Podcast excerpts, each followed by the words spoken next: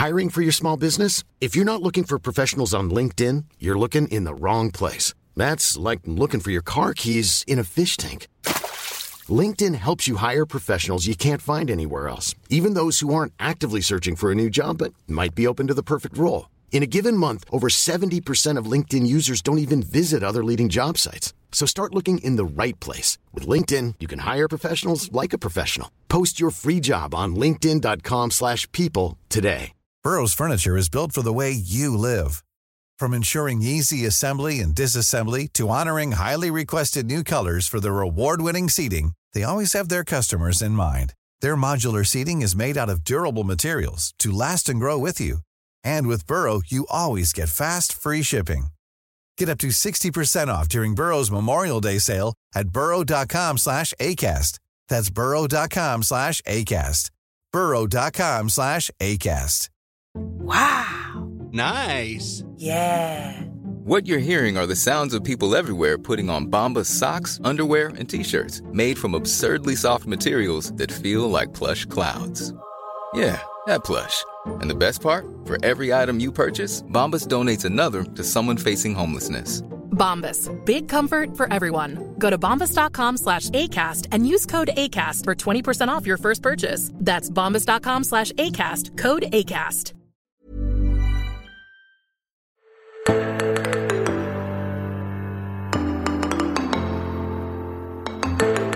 I denne ukens eh, episode av Tore og Tarjei er det vår store glede å ha besøk av eh, Åshild eh, Mathisen. Vi skal først si at her i studio sitter som vanlig Tore Hjalmar Sævik og meg sjøl, Tarjei Gilje. Og så, Åshild, du kom tidligere i høst ut med boken 'Ingen søndagsskole', som har undertittel 'Tro, makt og strid i kristen-Norge'. Der forteller du om din egen oppvekst som læstadianer, om ditt forhold til Kristi Folkeparti, og etter hvert om din tid som sjefredaktør i Vårt Land. La meg først uh, bare spørre, hva, hva, hva, ville du med boken? Hva var det som gjorde at du tenkte at denne her vil jeg, vil jeg skrive? Eh, jo, altså, det var vel litt eh, Aschehoug kontakta meg eh, og sa at den ville at jeg skulle fortelle eh, min historie. Eh, og først og fremst så var det mer sånn eh, bredere fortelle om Kristen-Norge. Eh, og jeg begynte egentlig å skrive nesten som en forsker og bare på en måte så det hele eh, utenfra. Og så sa de at men du har jo levd i dette, du må jo fortelle din historie. Altså, jeg var faktisk ikke oppmerksom på eh, da, den veien jeg har gått, den som jeg beskriver, eh, så ble jo mer og mer tydelig for meg at eh, hjelper meg. Og, og som dere ser i boka, så strever jeg jo liksom hele tida bort. Eh, jeg skal jo bort fra Kristen-Norge, jeg skal jo ut av det, men på en måte blir henta tilbake eh, i det, eller suges til det, eller hva som nå skjer. Eh, så da, da tenkte jeg at kanskje min bok kan fortelle hva som har skjedd i Kristen-Norge. Eh, altså, det er jo veldig lite omtalt eh, i eh, riksmedia hva, hva, som har skjedd med Norge på, på måte, kristne, eh, den kristne fronten. Vi bare registrerer at vi har blitt stadig mer sekulære. Eh, og så kommer den store splittelsen i KrF som alle altså De fleste tror jeg ikke forsto. Eh, så det var òg et, et, element at jeg tenkte at kanskje jeg kan på en måte gi den lange opptakten, sånn at man forstår at det er en dramatikk som handler om så mye mer eh, enn valg av regjering, eh, regjeringssamarbeid. Og eh, da den konflikten som jeg sjøl opplevde, som jeg òg prøver å forklare handler om mye mer. Så det er jo da veien fra eh, det konservative og fra bedehuset, som jeg tenker veldig mange i min generasjon har opplevd, og som veldig mange i min generasjon har forlatt. Eh, vi er en generasjon som har eh, ja, vokst opp i bedehuskultur, eh, forlatt den, og så er vi noen sånne eh, forvirra, lunkne statskirke- eller folkekirkemedlemmer som ikke helt vet hvor vi skal. Når en snakker om Kristen-Norge og bedehuskultur, så er en gjerne innstilt på at det er en person med vestlands- eller sørlandsdialekt som skal snakke. Ja, det har Men eh, du, opplevd. du, gjør jo ikke, du gjør jo ikke det. Ja, ikke det er rart. Bare det at du sier det i seg sjøl er jo så interessant, for det er jo masse bedehus eh, og bedehuskultur i Nord-Norge òg. Jeg har jo opplevd det flere ganger som eh, f.eks. når jeg var redaktør i Vårt Land, at jeg kunne dra på et arrangement, og så bare når jeg begynte å prate, så var det akkurat som at du så at liksom folks forventningshorisont var i spill, og det var noe som bare dette stemmer ikke. Uh, og, og, det syns jo jeg Det var jo òg en viktig ting ved boka, at jeg ville uh, fortelle at det finnes flere typer kristne kulturer. Og, og ja, i Nord-Norge altså For meg som nordlending så er denne boka også en kjærlighetserklæring til Nord-Norge og til nordnorsk eh, kristendom og kultur. Jeg gleder meg veldig til å dra opp dit og snakke om den, fordi jeg tror ikke det har vært skrevet en sånn fortelling eh, før. Eh, og den eh, Fordi ja, jeg tror mange vil kjenne seg igjen i at man føler at man kommer inn i sørvestlandske eller miljøer og og på en måte ikke føle seg som en ekte kristen. Vi har ikke de samme kulturelle kodene, rett og slett. Kan du beskrive det miljøet du vokste opp i? Ja, eh, altså jeg syns faktisk at det var veldig spennende sjøl å skrive den delen av boka, fordi at det er jo eh, Jeg har jo ikke reflektert fra liksom voksenlivet over den oppveksten. Man har nå bare den oppveksten man har, og, og ja det er som det å vokse opp. Man, man får de foreldrene man får, og den, det bedre bedehuset man får.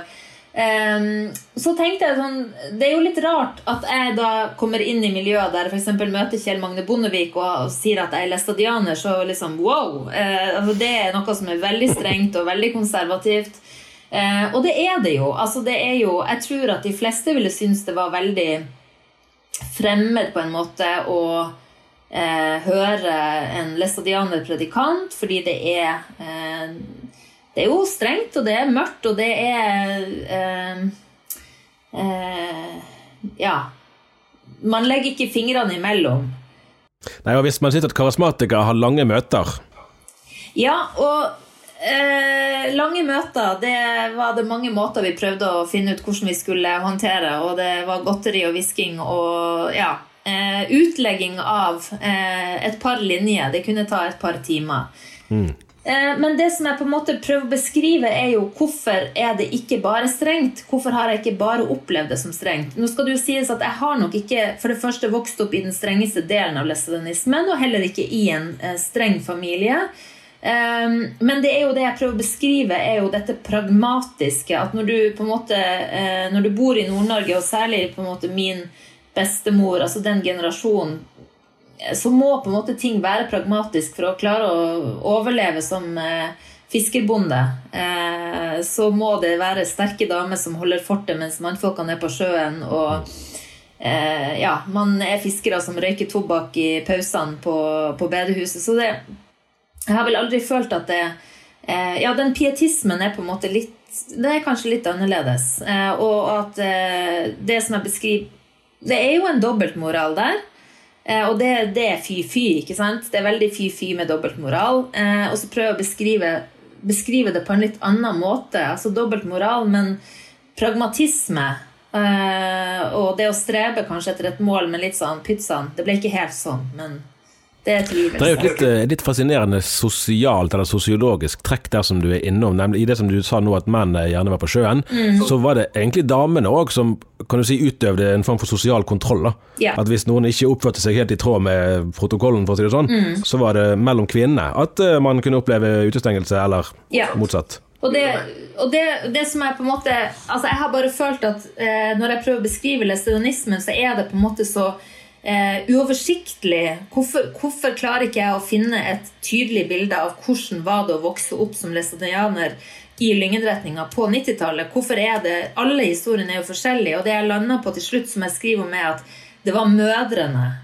Hvilken mor du har, eh, har veldig betydning for hvilken eh, oppdragelse du fikk. Eh, de var gigantene som styrte vår verden. Eh, og fordi jeg hadde en mor som eh, tok utdannelse og var mer eh, ja, liberal, så, så, ble min oppvekst sånn. Og hun hadde jo òg en mor som var en sterk kvinne. Så jeg tror at det, har, at det har mye å si. Kan man sammenligne, eller Hvordan kan man sammenligne den oppveksten du hadde med ja, unge mennesker som vokser opp på et bedehus eller i en frikirke i dag. Altså Læstalianismen direkte er jo en høyst vital eh, bevegelse, særlig da i, i Nord-Norge eh, fremdeles. Men, og den har jo sikkert forandret seg noe siden din eh, tenåringstid. Men kan, kan du sammenligne dette med å vokse opp i en pinsemenighet eller på et bedehus i 2021? Eh, ja, jeg vet jo ikke så mye om det. Eh, jeg kan egentlig bare min egen historie. Eh, men jeg tenker at eh, det som utfordringa, er at det som eh, kommer fra predikantbordet, kan ofte være veldig Altså det er ikke i takt med samtida. Eh, og så har jo på en måte Jeg tror at man har blitt mye mer opptatt av det. Eh, man har blitt mye mer opptatt av eh, eh, å, å på en måte forstå den samtida som de unge lever i. Samtidig som utviklinga går så rasende fort at du likevel ikke klarer å henge med. Fordi nå er jo altså, vi som sitter her, eh, voksne folk, hvordan skal vi klare å forstå eh, hvordan det digitale livet og alle disse plattformene og sosiale medier virker inn på de unge, og klimaendringer og alt? Altså, eh, endringen er så stor. Og det var det vi følte, var jo at eh, vi måtte på en måte ta det vi Altså, vi tolka ting sjøl, vi tok med oss Vi lagde vel vår egen form for justis. Eh, og det, det, vil jeg jo tro at, at, eh, at det er litt sånn eh, fortsatt. For meg som sånn utenfra-blikk Jeg bor på Grünerløkka og har Hillsong rett på hjørnet. Eh, og går forbi det og, og syns at det ser ut som at de er i stand til å tiltrekker seg veldig mye ungdommer som jeg ikke ser at går til Den norske kirke. Mine barn syns jo det er veldig rart når jeg sier at det er en kirke og det kommer popmusikk ut av eh, vinduene. Eh, for dem har et helt annet inntrykk av hva kirkemusikk er. Eh, så det å på en måte Men ikke sant Form og innhold. Altså, jeg kommer fra en menighet der gotisk skrift i salmeboka var jo et poeng i seg sjøl. Formen var et poeng i seg sjøl. Det, det, kan jo ikke være noe kristelig i det, men det blir det. Og der lurer jeg jo litt på om kirka og bedehusene også Vi, vi henger igjen i formene som om dem i seg sjøl eh, er saliggjørende. Det er de jo ikke.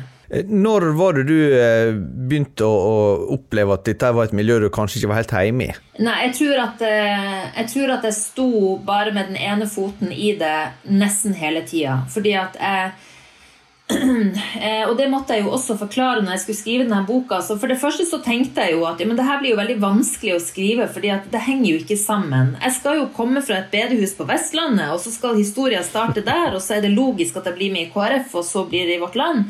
Dette er jo ikke log det, det, det henger jo ikke sammen. Hvordan eh, ikke sant, eh, skal jeg forklare hele den kulturen? Og så skjønte jo jeg at det var bruddet med den kulturen som var en del av poenget. Og da måtte jeg jo også forklare at jeg er jo ikke 100 læstadianer heller. Jeg har ikke vokst opp i en storfamilie. Jeg har vokst opp eh, med en alenemor og enebarn, så jeg hører jo på en måte ikke helt hjemme der heller. Så jeg prøver å forklare det ikke sant, med en far fra arbeiderbevegelsen. Eh, så så jeg, jeg, hadde vel en periode da eh, sånn i, i videregående tida der jeg liksom gjorde alt for å virkelig passe inn. altså sånn, Nå tar jeg dette oppgjøret. Jeg tar læstadiansk, den gamle ordningen på konfirmasjon. Eh, altså prøve å bare bli 100 eh, Men, men jeg, jeg, føler at jeg aldri har vært 100 eh, læstadianer. Eh, ja, så jeg, så jeg, føler ikke at det har vært noe sånn heller noe sånn brudd. Det har bare vært en sånn sakte endring og, ja, som jeg prøver å beskrive i boka. Det er litt interessant denne spenningen sant, mellom oppveksten i en vekkelsesbevegelse og, og der du er i dag. Mm. Uh, og For å illustrere dette, sant, så, så, skriver du i boken, og dette er jo med referanse til din egen barndom, da, eller oppvekst, i hvert fall, at vi ville ikke glatte ut troen til en hyggelig barnefortelling. Mm. Uh, og da har jeg, jeg tror jeg har skrevet om det noen ganger, at, at i, i barnebibelen som kommer ut nå, og som vi har brukt hjemme hos oss, uh, så har jeg lagt merke til at fortellingen om Abraham som skulle ofre sin sønn Isak, den er tatt bort. Og det er vel sagt en del om det at det gjør man av pedagogiske grunner, at den historien syns man ikke lenger eh, fungerer å presentere for barn. Eh, sånn var det neppe i din barndom, sånn var det ikke i min barndom, jeg tror jeg med sin barndom heller. Hvordan tenker du f.eks. om det, med den oppveksten du har hatt? Ja, jeg er veldig enig i det. Altså, jeg, eh, jeg kaller meg jo fortsatt læstadianer på den måten at eh, det er den forkynnelsen eh, jeg har vokst opp med, og det er den som snakker til meg. Eh, jeg føler at når jeg går i Den norske kirke, så går jeg inn i et veldig fint fellesskap eh, som er lokalt, men det er noe som mangler. Eh, det er, og det gjør meg så trist. Eh, hvorfor ikke man tør å utfordre de som sitter i benkene. Man er redd for at de bare skal gå ut, for det kan de jo gjøre. Eh, men jeg tror at man taper mange på at man ikke snakker direkte. Og, ja, det er vel noe i dåpsliturgien også som er ganske sterkt. Og jeg husker jo at når vi hadde dåpssamtale, så brukte presten veldig mye tid på å unnskylde det som sto der. Og det er litt min sant, kritikk av Den norske kirke sånn sett. Hvor blir det av det som er sterkt, og det som er vanskelig, og som jeg føler er en sånn sentral del av, eh, av kristendommen, av religionen. Samtidig så, så, tenker jeg at eh, jeg har jo ikke gitt den delen til mine barn. Altså, jeg eh, var i en, altså en begravelse som Der det var en læstadianerpredikant som holdt en tale som jeg tenkte at den hadde ikke sønnen min hatt godt av å høre. Altså den, det er når klimaendringen f.eks. kobles opp mot dommedag. Um, så, så jeg, jeg, kjenner meg dobbelt i det, men, men uh, ja, jeg tenker som det at det er synd at man tar ut de fortellingene. Uh, og så tror jeg det krever veldig mye å ha dem med. Altså Det krever veldig mye av oss å forklare disse tingene til en generasjon som knapt vet hva synd betyr. Ja, jeg husker min, min favorittfortelling fra barnebibelen. Det var om sjø, sjøgen Rahab, som eh, hjelpte speiderne som kom til Eriko. Eh, jeg vil jo tro at det er ganske få eh, under vår alder som, eh, som umiddelbart plasserer den historien, for å si det sånn. Men, eh, ja, men ikke sant, hvis du ser på en av de største norske forfatterne vi har, Knausgård, han kjenner Bibelen godt, og han bruker det. Det er jo en skattkiste, og den snakker jo til alle deler delene av den menneskelige naturen og til den verden vi lever i, som også har mørke sider ved seg. Så jeg, jeg, føler jo også sånn sett at noe går veldig tapt. Eh, og nå var det jo en biskop som var ute og avlyste helvete. Det har de jo egentlig gjort for lenge siden, da. Men eh, jeg eh, mener jo at eh, vi må snakke om helvete. Eh, vi trenger ikke å snakke om eh, høygafler og ild, men vi må snakke om altså snakke om det som det. Eh, jeg tror mange ser helvete på jord. Jeg tror mange ser eh, forstår på en måte den dualiteten som jo finnes da i alt annet som av litteratur og, og kultur, så, så, kan vi på en måte ikke eh, gjøre det så, så, glatt og ufarlig, for det er jo heller ikke sant. Det er jo en spenning der som, som, er litt vanskelig å bli klok på, for når jeg snakker om, om folkekirka, så, så, er det jo eh, eh sånn at den tar utgangspunkt i de samme bibeltekstene og samme bekjennelser, sånn som vekkelsesbevegelsene. Eh, men så vil som si ja, men her er jo liksom nerven vekk. At, at, eh, når du, enten du leser evangeliet eller brev eller Johannes' åpenbaring, som du nevner, og, og så Gamle testamentet også, så er det jo alltid det er jo hele tiden noe som står på spill. Det er jo et veldig alvor der. Eh, og, og, så vil noen si ja, hvor er det i den kirkelige formidlinga i dag? Ja, og jeg eh, formidler jo bare en, en, eh, hva skal jeg si, en ambivalens i dette. For at jeg kjenner at det er for fint for meg at jeg slipper å, å ta ansvar for noen av disse tingene. Eh, men bare kan kanskje vise at eh, ja, jeg tror jeg er et typisk moderne menneske. Eller, men også da har den ekstra dimensjonen med den oppveksten jeg har. At det er noen ting jeg savner. Og så er det noen ting jeg definitivt ikke savner. Eh, som jo er en del av eh, ja, det jeg beskriver med ungdommer som vokter på hverandre. Et miljø der, der den, den, sosiale kontrollen er veldig negativ. Men, men, jeg har ikke Jeg har ikke noen svar, og jeg er også veldig ja, jeg tror, jeg tror f.eks. at vi er en generasjon som ikke vet helt hvordan vi skal formidle det religiøse til våre barn. Og jeg har også blitt overraska over hvor ekstremt sterk sekular, sekulariseringa har vært de siste årene. Der, eh, der, det å være religiøs er å være dum. Altså det at du, du tar ikke inn over deg vitenskap. Altså Her blir vi òg prega av ting som er mye, trender som er mye sterkere i f.eks. i USA. ikke sant? Um, Så, så vi er på en måte litt eh, Vi har et kjempestort behov for å diskutere disse tingene. Eh, og så er vi litt eh, tror jeg, i sånne etterdønninger av noen voldsomme kamper om homofili og abort. Eh, men vi har andre store tema som jeg mener bredden av kristenheten må diskutere.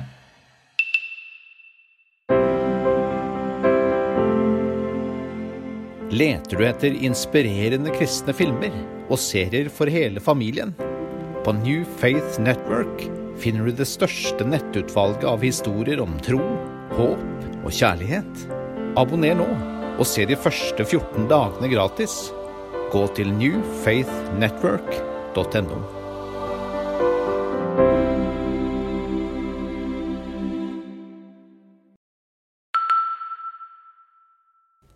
Vi feirer jo eh, jubileum for Hans Nilsen Hauge i år.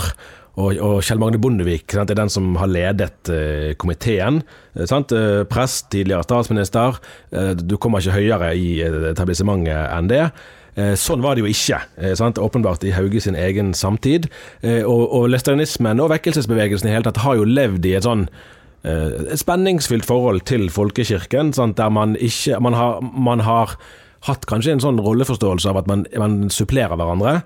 Eh, Bedehusene har ikke hatt noen ambisjon om å være kirken. Eh, sant? Det begynner de å få litt mer nå, kanskje. Eh, men det har vært en slags sånn vekselvirkning, kanskje litt sånn elsk-hat-forhold. Ja. Eh, kanskje begge veier, til og med. Eh, hvordan ser du de dynamikkene utvikle seg nå, da, i den tiden vi er i, med sekularisering og med de kreftene som er i sving her? Hvor tror du vi vil finne religiøse tyngdepunkter eh, i årene fremover? Ja, For det første så eh, har jeg lyst til å si når det gjelder det med, med Hauge, som jo er eh, veldig bra at man løfter frem den delen av norsk eh, kulturarv. Eh, og så har jo det vært viktig for meg, når jeg da begynte å skrive om dette rare læstadianske som ingen vet om, så tenkte jeg at men dette er jo ikke bare nordnorsk historie, dette er jo norsk historie. Så jeg vil jo også der prøve å trekke frem Lestadius som en veldig viktig skikkelse. som I Nord-Norge har man nå begynt å være mer stolt av og, og gjøre litt som med Hauge, men fortsatt er det på en måte ganske ukjent i, i bredden i Norge. Um, og, og for læstadianerne så har jo selvfølgelig folkekirka Den skuffer og skuffer og skuffer. Men man har jo vært så opptatt av nettopp det at man ikke skal være kirke. Eh, at man da frem til nå i hvert fall eh, holder fast. Eh, jeg er jo veldig bekymra over den eh, polariseringa vi opplever. Eh, og synes at det er eh, veldig vanskelig at vi ikke kan Altså, jeg mener vi må prøve å kunne ha kvinneprestmotstandere også i folkekirka, for ellers så er vi ikke en folkekirke. Og vi har diskutert veldig mye den andre delen om hvordan vi kan møte moderne mennesker der de er i dag. Men eh, Og jeg, jeg, har jo virkelig eh, jeg, kjenner, jeg må bare si at når det gjelder det å være kvinnelig prest og hva jeg tror de står i, så, så har jeg så mye respekt for de fortellingene, og at man må ta et oppgjør med det de møter, og det mener jo jeg sjøl har møtt mye av eh, når det kommer til den eh, kulturen. Men, men samtidig så er bare mitt Ja, jeg, jeg tenker vi må gjøre hva vi kan for å holde fast i hva skal vi si, de ytterpunktene på begge sider. Eh, og, hold, og ha den bredden og klare å være det uenighetsfellesskapet. Eh, og så skjønner jeg at det er så krevende, fordi at eh, folk flest eh, tenker jo når det kommer sant, en kvinneprestmotstander, så tenker de ja, der har du kirka. Typisk. Veldig gammeldags. Eh, det her er grunnen til at jeg ikke vil være en del av kirka. Så jeg kan forstå at kirka har behov for å ta kontant oppgjør nå for å vise at dette er ikke oss. Eh, og så på den andre sida så får du på en måte Eh, jeg så Satiriks hadde lagd en sånn sak. Prest måtte Ja, gå. Han var, han var dessverre altfor kristen. Han hadde lest det som sto i Bibelen. Og den, altså, den, den svir. Den svir. Eh, vi må kunne ha eh, konservativ teologi. Og, og, og ikke sant? Kirka har jo sagt veldig tydelig altså den, eh, Dagens ledelse har sagt vi skal inkludere de, på en måte, de konservative som har tapt. Eh, ja, hvordan skal det skje? Så jeg føler at det er, det er veldig Vi står i et veldig sånn eh, viktig veiskille. Hvordan, hvordan ser du da på mulighetene for at folkekirka er også et menighetsfellesskap. Oskar Skarshaug, mangeårig eh, professor i kirkehistorie på MF, eh, påpeker det i en bok som kom for noen år siden, at, det, at flere plasser i Norge så finnes det egentlig ikke en gudstjenestefeirende menighet i Den norske kirke. Altså, at du, du har ikke ei kjerne som går fast. Ja, for det er dåpsfølget som er der? Sånn, ja, det er dåpsfølget som egentlig utgjør kirka. Da. Og, Samtidig så har du sett at altså, det har jo ikke vært noe sånn uh, voldsom vekst i frikirkelighet eller lovkirkelighet, men hvis du ser styrkeforholdet, så er jo tendensen at uh, det er relativt sett flere som går utenfor Den norske kirke til gudstjeneste. Og dette vil jo også bli styrka av innvandring, fordi at mange immigrantmenigheter etablerer seg i Norge. Uh, hvordan ser du dette her? Altså, er det sånn at folkekirka eh, blir mindre enn heim for folk som er engasjerte kristne, mens de da heller engasjeres utafor, og på en måte da blir enda mer framande for nordmenn flest? Eh, jeg har ikke noe svar. Eh, jeg eh, synes jo også den eh, At det er veldig krevende eh, at de aktive kristne. Eh, som jo nettopp Der mange er konservative kristne, ikke sant? Eh, hvilken plass skal de ha? Eh, og hva er, det, altså, hva er forankringa til eh, folkekirka, er jo det store spørsmålet. Er det at mange er med, eller er det at den er eh, vital i form av eh, teologien, og, og, at det er mange som er aktive? Eh, det, og det, der er det jo på en måte den vekselvirkninga. Men jeg tenker jo det er ingen annen vei enn at eh, kirka må prøve å engasjere eh, de som er opptatt av eh, at de også må rommes av kirka. Men jeg kan forstå på en måte det agget da, eh, av at teologien tilpasser seg noen som ikke er aktiv. Ikke sant? Så jeg, jeg, bare registrerer disse friksjonene uten at jeg eh, har noe løsning på det. Eh, men, men, jeg tror jo på eh, Ja, jeg tror at det, Den norske kirke må eh, utforske eh, hvordan eh, folk vil engasjere seg og delta. fordi at jeg er opptatt av at man ikke skal mistenkeliggjøre de som ikke går i kirka, som på en måte de slappe majoriteten, og så må du liksom Ok, det er de aktive ikke sant, som vi må eh, bare konsentrere oss om. fordi at dette opplever jo alle store eh, organisasjoner og institusjoner.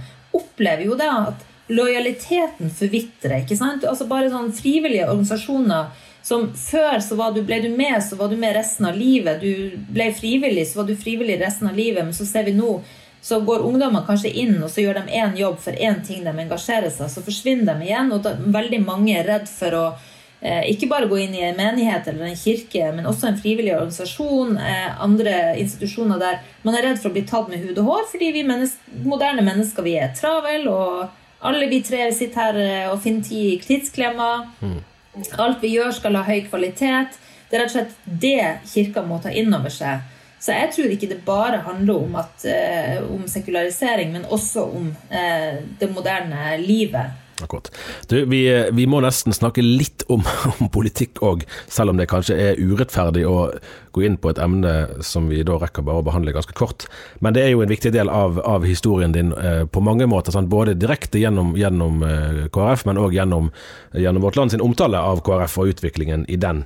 Eh, og Der er det jo et, et sånn brennpunkt, egentlig, som, som på mange måter eh, beskriver eller rammer inn mye av, av, ditt engasjement, nemlig i den berømte veivalgsprosessen fra 2018. Sant? for jeg tror du har sagt en gang at det var helt nødvendig for KrF å ta et valg eh, den gangen. Og det kan det jo være gode argumenter for. Eh, jeg tror jeg tenkte sånn intuitivt at det var at helt motsatt, at det var det valget de for alt i verden ikke måtte ta, fordi at det finnes på en måte ingen felles vei videre eh. Og Så kan man diskutere hva som, hva som blir liksom fasiten, det vet vi jo ennå ikke. Men, men, konkret, og hvor ser du, altså i hvilke velgergrupper er det du ser et potensial Eh, for KrF dersom de da hadde gått eh, den veien Hareide ville da, eller om noe lignende skulle skje nå i årene fremover? Pju. Stor problemstilling. Enkelt spørsmål, Eh, ja, men la meg starte med å si at eh, jeg kan ha respekt for de som eh, ønsker et, eh, et KrF som er f.eks. teologisk konservativt. Men den retninga har jo KrF på mange måter forlatt for mange år siden. Man har ikke lenger en bekjennelsesplikt. Men så ligger på en måte noen restsaker der som, sånn, som har en symbolsk tyngde til f.eks. den delen eh, som Dagen henvender seg til? Som, som ønsker at eh, KrF skal være mer tydelig der. Isteden har de bare blitt utydelige. Eh, og, og jeg beskriver jo hvordan man bare navigerer hit og dit uten å på en måte formulere et klart valg. Og særlig mener jeg at KrF for lenge siden skulle eh, begynt å snakke om de endringene som skjer i Kristen-Norge. Bare det ville vært eh, veldig godt for partiet, partikulturen og for velgerne. Men fordi man bare, tror jeg, syns dette har blitt så krevende, så har man i stedet bare eh, fjerna bekjennelsesplikten og sagt vi er, et, vi er et slags vanlig sekulært parti, men vi er, vi er et kristent parti, et eller annet, som er ganske uforståelig, tror jeg, eh, for, for alle grupper. Mens jeg tenker jo at i stedet for bare det normative, eh, så kunne man vært en arena nettopp for å snakke om alle disse endringene som skjer. Altså Norge som et flerreligiøst land, eh, der kristendommen eh, blir brukt både av eh, høyrepopulistiske krefter, men har blitt viktigere for enkelte i søken etter identitet. Altså Alle disse tingene er jo utrolig viktige verdispørsmål i vår tid, som jeg tror kunne ha møtt mange. og Eh, jeg, eh, jeg vet ikke om KrF kunne eh, gjort stor suksess. Jeg bare ser på velgerdemografien, som som jeg da beskriver at man til og med også har den samme demografiske debatten i vårt land, som er sånn Konservative kristne krymper. Eh, folkekirka representerer bredden. Så rent sånn, nesten sånn kommersielt, altså hvor er det det finnes et velgergrunnlag? Eh, så, men jeg har respekt for at noen kan tenke at men det ville være vitaliserende for et kristelig folkeparti å å måtte reindyrke seg. Men da må man ikke si at man skal bli et folkeparti eller bredere eller større. Da kunne man kanskje vært et, en, kanskje en tydeligere stemme. Hva vet jeg. Så, så jeg, jeg anerkjenner det du mener, altså, men, men ikke sant Jeg så for meg da en, en bredere arena, eh, og at Motstand mot Frp samla på tvers av det teologiske spekteret, samla liberale og konservative, der kanskje de konservative har vært for slapp i for mange år i å ta et oppgjør med bruken av kristendommen som et sånn anti-islamsk symbol. Så der følte jeg at det, der var det en bevegelse. Der var det noe som skjedde når Hareide kom med sin eh, bok, som jeg tror at Og bare det å se på hver gang han gikk mot Sylvi Listhaug, så gikk KrF opp på målingen. Så der lå det en kime til noe som ikke er utvikla, men eh, Og jeg ser at han også han sier det òg nå, eh, at det er det han eh, mener. Så selvfølgelig en uutforska vei. Og så prøver jo jeg i boka å beskrive samhørigheten bakover i tid mellom arbeiderbevegelsen og, og kristenfolket. Også i et konservativt miljø. Ja, jeg, jeg vil jo bare si jeg tror jo du har rett jeg, i veldig mye av den analysen der.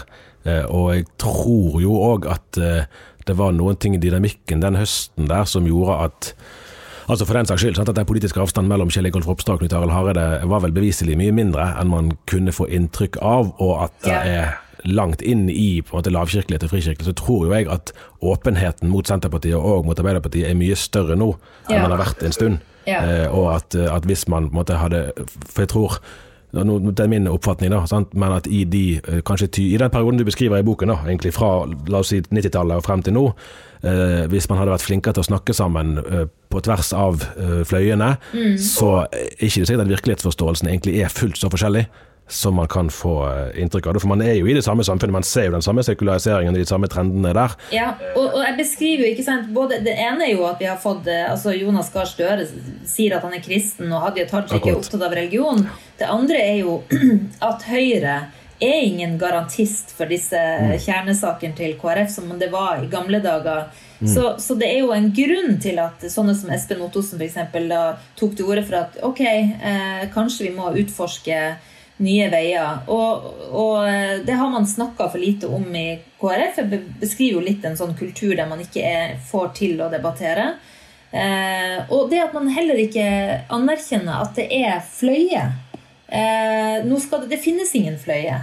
Eh, og, og, og, det tror altså i Kåre Kristiansens tid eh, så var det definitivt fløye. Og kanskje det Selvfølgelig er det konflikter, og, og, det er konfliktfylt og vanskelig, men, men, det å på en måte sensurere det Ja, se hva som skjedde. Eh, det var en eksplosjon. Vi snakka nettopp om eh, det tidligere i dag. Vi hadde styreleder Kristian Lomsdalen i Human-Etisk Forbund som gjest her nylig. Og han tilhører den livssynsbevegelsen som eh, virkelig har hatt vind i seila de siste åra. Og så slo det oss at eh, de har jo egentlig en veldig stor grad av frimodighet og tro på eget prosjekt. Eh, og så lurer jeg på, hva ser du der i, i Kristen-Norge? For, for han, han, virker jo både veldig interessert i Kristen-Norge, og samtidig ganske tydelig på at han, han tror han har en samfunnsvisjon som, som veldig mange nordmenn er enig i. Hva ser du av på en måte frimodighet eh, i Kristen-Norge? Veldig lite frimodighet.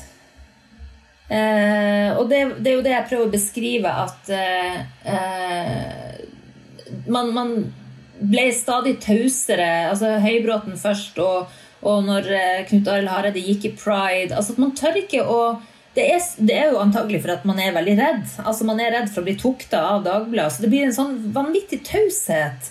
Man bare trekker seg unna og sier dette, vi, vi liker ikke ditt og vi liker ikke datt. Eh, den, og det var jo det jeg prøvde å få til i vårt land. Bare kom inn og skriv på debattplass. Ha tillit til at, at det går an å ytre seg i, eh, i medieoffentligheten og få til en konstruktiv diskusjon. Vi må vite hva dere mener. Og jeg har jo vært veldig nysgjerrig. F.eks. når jeg snakker med Espen Ottosen. Jeg vil vite hva han mener, og jeg vil høre de argumentene. Og det er veldig få i norsk offentlighet som tør å på en måte stå frem eh, med de eh, Ja, f.eks. konservativ teologi.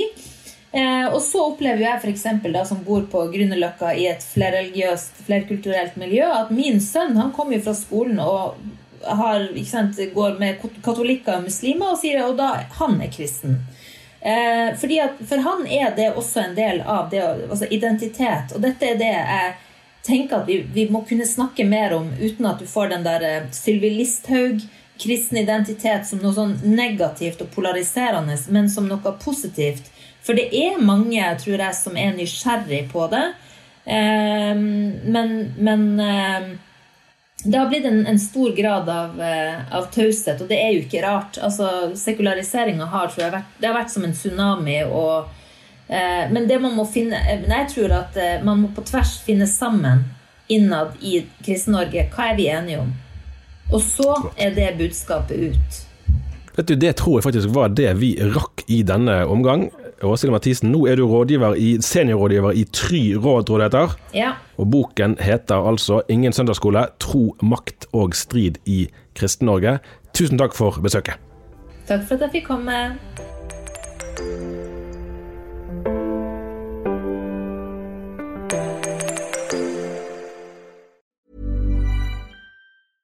Imagine the softest sheets you've ever felt. Now imagine them getting even softer over time. That's what you'll feel with Bowl and Branch's organic cotton sheets. In a recent customer survey, 96% replied that Bowl and Branch sheets get softer with every wash. Start getting your best night's sleep in these sheets that get softer and softer for years to come. Try their sheets with a 30-night guarantee. Plus, get 15% off your first order at bowlandbranch.com. Code BUTTERY. Exclusions apply. See site for details.